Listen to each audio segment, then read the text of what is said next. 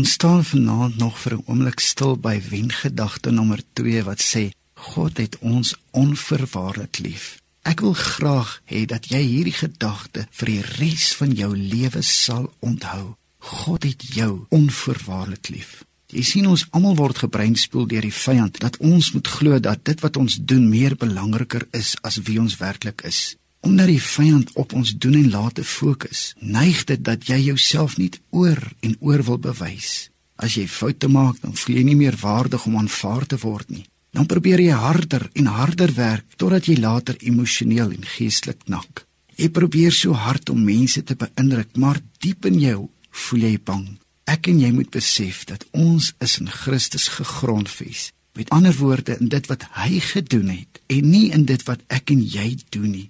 Ek en jy sal hom deurlopend dalk teleurstel, maar hoe 'n wonderlike wete is dat hy ons onverwaarlik liefhet. Wat van foute maak sal jy dalk vra? Ja, ek glo dat wanneer ek en jy fouteer, moet ons dit dadelik bely, verskoning vra, maar onthou dan, beweeg dan aan. Paulus sê dit wat verby is, is verby. Strek jou uit na wat voorlê. Besef dat God het jou onverwaarlik lief vir wie jy is en nie noodwendig vir dit wat jy alles doen nie.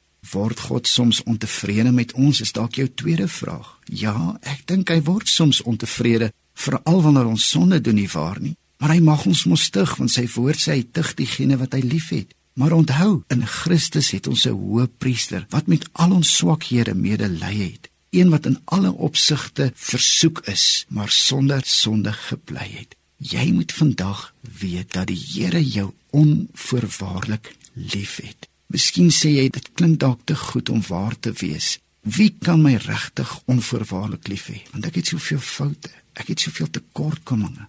Ek stel daagliks nie net mense te leer nie, maar ek stel ook die Here te leer. Jy moet vanaand weet dat die Here kyk na jou, nie op grond van dit wat jy doen nie, maar na dit wie jy werklik is. Hy het mos aarde toe gekom en sy lewe kom aflê vir jou, vir jou kom sterf. So jy moet daaraan onthou dat hy in jou plek as 'n misdadiger gestraf was Hy is in jou plek gekruisig.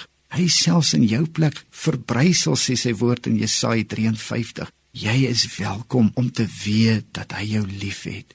Welkom om te glo dat hy sal jou nooit wegwys nie. Hy sal jou nooit begewe of verlaat nie. Kom spreek hierdie wen gedagte uit. God het my onvoorwaardelik lief.